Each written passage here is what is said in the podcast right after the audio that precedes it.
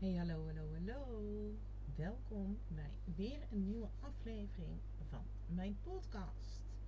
Allereerst, mocht je deze podcast redelijk snel luisteren, Happy New Year!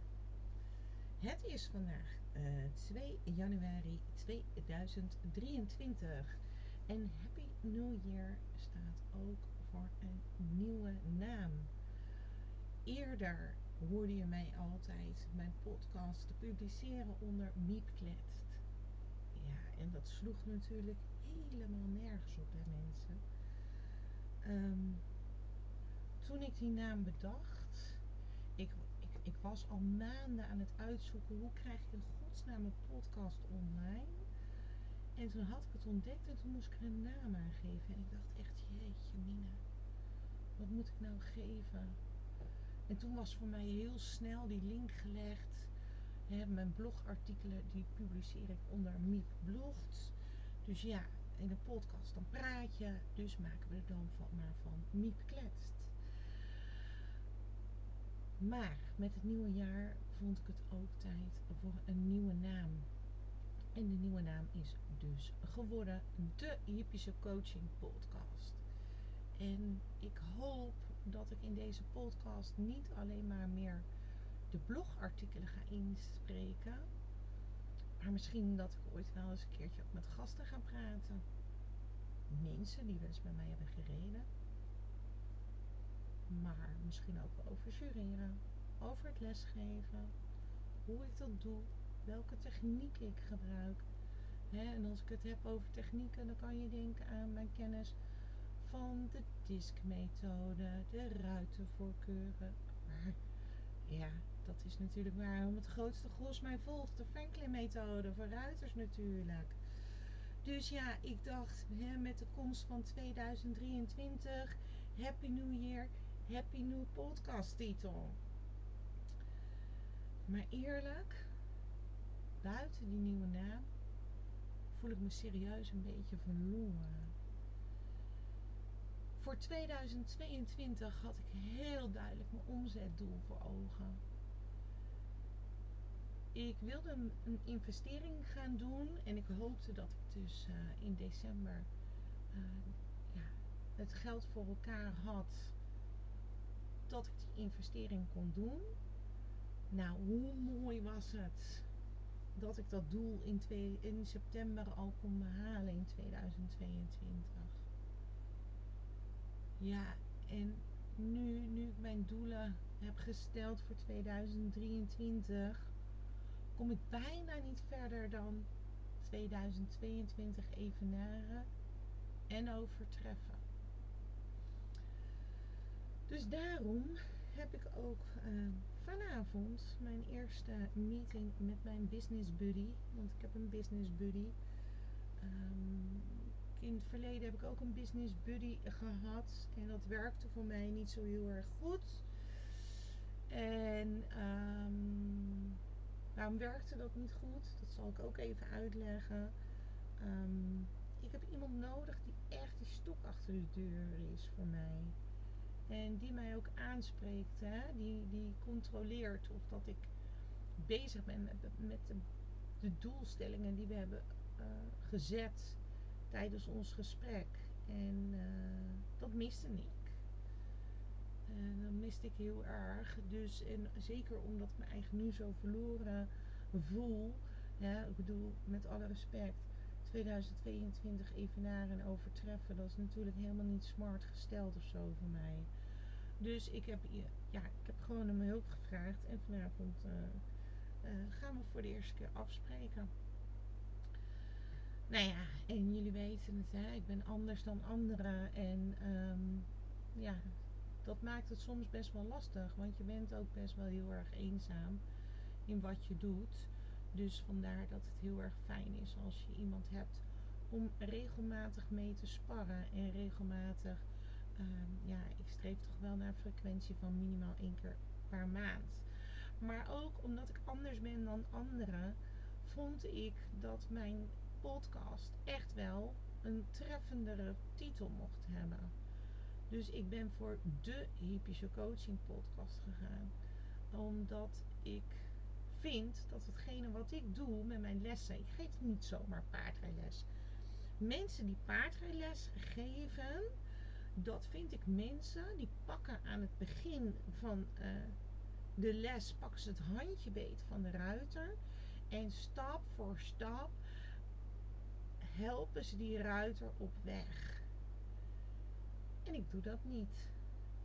Ik kan me eigenlijk ook mateloos irriteren als ik instructeurs non-stop informatie hoor spuien. Uh, sommige ruiters hebben ook echt gewoon tijd nodig om de informatie die je hebt gespuit, om die te verwerken, om die te progressen. Die, die, die moeten dat even voelen en um, ja, gewoon even, even laten. En zelf heb ik ook wel dat ervaren dat als ik dan zelf aan het rijden was, dat ik het toch een stukje lastiger vond. Omdat ik gewoon diegene miste aan de rand van de baan of in de baan uh, die mijn handje vasthield. En ik zeg ook altijd tegen mijn ruiters um, dat uh, je, je mag best wel eens op het moment als je een hulp geeft, is op een afstand gaan observeren. Wat krijg je daarvoor terug van je paard? Hè? En uh, tuurlijk, ik ben ook vanuit mijn oorspronkelijke voorkeurstijl. Uh, ben ik heel erg zo van ik geef een, geef een, ik doe een actie en ik verwacht direct een reactie. Uh, bijvoorbeeld, um, als ik been geef, wil ik dat het paard gewoon direct of die hogere gang aanneemt of opzij gaat voor mijn been. Maar soms is het ook gewoon eens heel erg interessant om dat been te geven en eens te kijken van wat doet dat paard ermee. Hè, bijvoorbeeld ook um, als een paard um, een spanning heeft. Uh, dan zijn de ruiters heel erg geneigd om dat tempo te willen controleren. Ik bedoel met alle respect, dat begrijp ik. Ik bedoel, het is toch een paard waar we op zitten. En meestal als het misgaat, doet het best wel wat pijn. Um, maar in plaats van aan die teugels te gaan trekken en naar achter toe te hangen en hoog in je ademhaling te gaan zitten, misschien moet je gewoon eens loslaten en kijken wat er gebeurt. Dat is een van de dingen waarom ik zeg, ik ben anders dan anderen. Mijn podcastafleveringen duren ook nooit zo heel erg lang. En ik wilde deze tijd deze ruimte op het internet en in deze podcast uh, gebeuren uh, gebruiken om jullie uh, op de hoogte te stellen van de nieuwe podcastnaam. En um, weet je, één ding weet ik wel heel zeker voor 2023 komend jaar ben ik niet meer voor iedereen. Ik ga mijn tijd en mijn aandacht zorgvuldig besteden. Waardoor ik meer dan ooit in mijn waarde kan gaan staan. Wie alles voor iedereen wil zijn, eindigt uiteindelijk achteraan.